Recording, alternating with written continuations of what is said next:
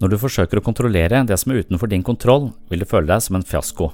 Når du ikke tar kontroll på det du kan påvirke, blir du hjelpeløs. Begge deler fører til angst. Angst er et finurlig fenomen som det er mulig å forstå eller misforstå på utallige måter. Hva er forskjellen på angst og bekymring? Hva vet vi om angst? Hvilke typer angst er vanlig? Hvordan påvirker økonomi, psykisk helse og angstplager? Hvordan bekjemper vi egentlig angst?